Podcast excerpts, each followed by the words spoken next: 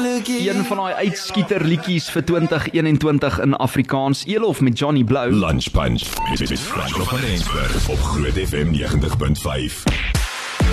Man en nou het ek die musiekkenner homself hier in die ateljee 'n bietjie te gesels oor die afgelope jaar se top 40 Afrikaanse liedjies en uh, hy het ook daai berig op marulamedia.co.za geplaas gaan kyk bietjie onder vermaak en musiek.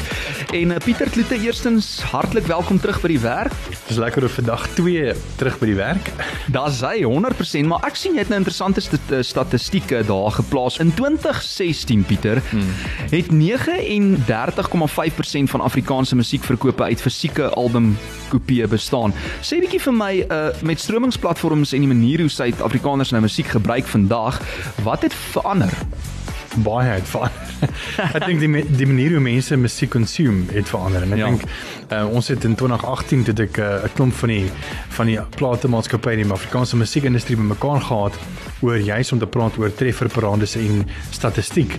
Sjoe. Omdat baie min mense weet of baie meer mense meer oorgegaan het na stromingsplatforms toe. Hmm.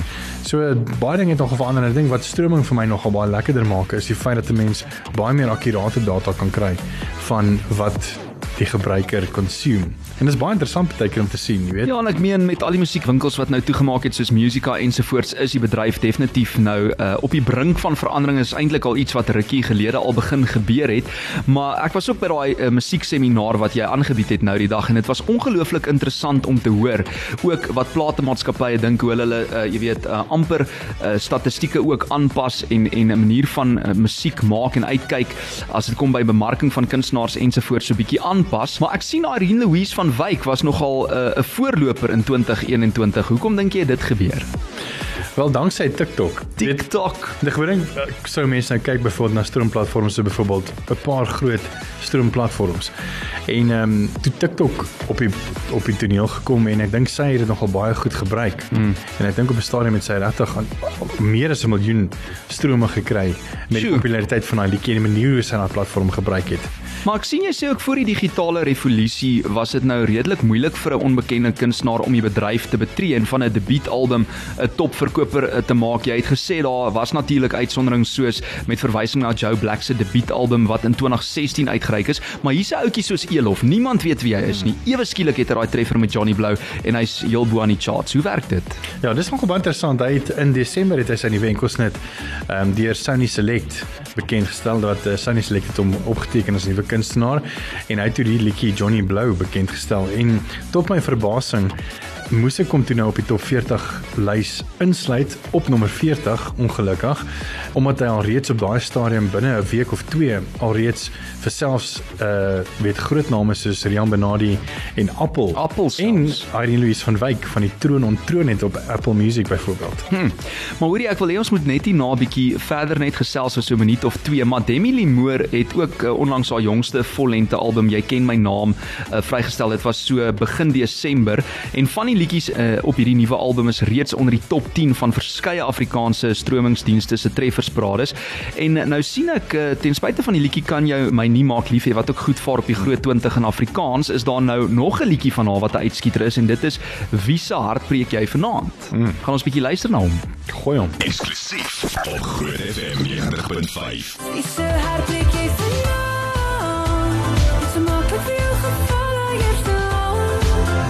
Gesels vandag bietjie met ons eie Pieter Kloete, ons musiekhoof hier by Groot FM 90.5 wat ook die top 40 Afrikaanse liedjies lys van 2021 op Marula Media se webblad saamgestel het.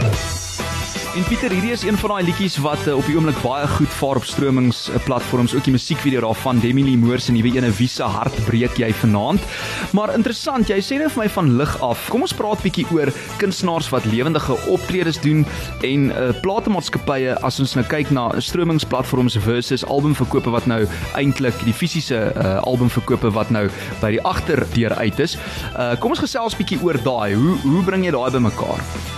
Ja, ek is in ek het ehm um, oor Desember se oulike artikel gelees oor 'n studie wat gedoen is in Australië oor digitale musiek en sulke goeders. En baie van die musiek uh, of die standaard was is dat kunstenaars wil graag deur 'n platemaatskappy geteken word want hulle is eintlik maar die bank want hulle betaal dan vir die opname en 'n goeie studio, hulle betaal vir die bemarking van die album en hulle betaal natuurlik vir die musiekvideo en die meer.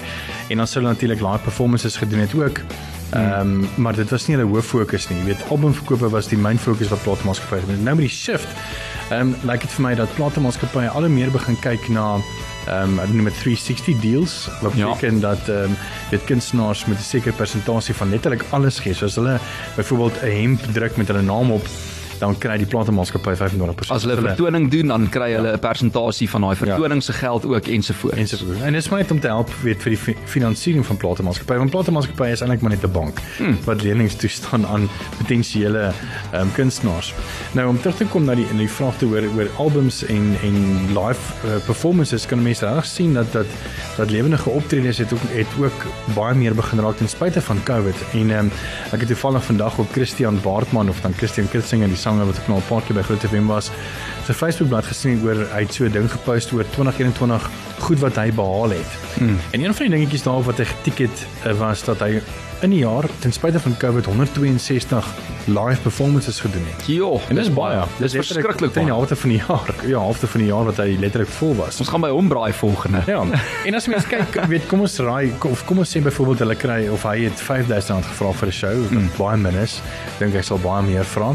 Het hy omtrent net met daai 162 ehm um, optredes ten minste 810 000 rand gemaak vir die jaar. So, dis natuurlik interessant. Is, is kunstenaars baie kreatief en moet dan Ja. ja. natuurlik omdat hy hom uh, in die independent is, mm. hy's nie by enige platemaatskappy nie, uh, moet hy ongelukkig natuurlik betaal as hy musiekvideo wil maak en hy moet betaal vir opnames en sulke goed. Ja, so dit klink nou soos baie geld, maar hy moet nou daai geld nou weer gebruik vir opnames, ja. musiekvideo's, bemarking ensovoorts. Maar terug vandag na 'n liedjie wat so goed gevaar het in 2021. Tekkies brand. Hy is in Julie 2021 op alle stromingsplatforms ja. bekend gestel, sê jy.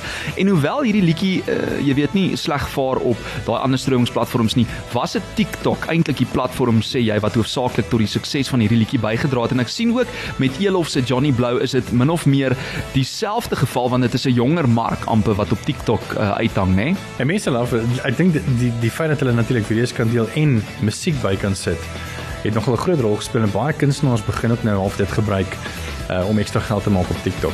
Maar Pieter, dit was ook 'n baie goeie jaar vir Rian Benadi. Ek meen spontaan en vat 'n bietjie was maar twee van die liedjies wat wat uitgestaan het en ten spyte daarvan dat Apple nou nie nommer 1 op die uh, top 40 Afrikaanse liedjies op Marula Media se webblad lys is nie, uh, kan sy gewildheid ook nie misgekyk word nie. Jy sê Apple is beslis kunstenaar van die jaar. Hoekom sê jy so? Nee, net nog gou weer terug te gaan na Rian Benani toe. Die feit dat hy ek dink hy hy het baie goed gedoen, maar die album wat hy alreeds bekend gestel het was alreeds in 20 20 seker, ja. in Julie dink ek bekend gestel. Hmm. So hy was nou alreeds al 'n jaar uit en mense het geluid. Ten spyte daarvan het mense nog so sê nog steeds ehm um, baie van die liedjies gestroom en mense kon dit sien dat dit die populariteit daarvan. Apple het natuurlik laas jaar ook sy nuwe debuutalbum hier in kontrent ook so in in die winter se kant. Dis nou met treffers soos. Dina en Hardwerkende Man ensovoorts. En die manier hoe hy net liedjies kan skryf en sulke goed uh, is ongelooflik en ek dink die mense love sy musiek. Ja. Uh, dit is lekker ehm um, liedjies met weet wat mense kan saam sing en en die meer.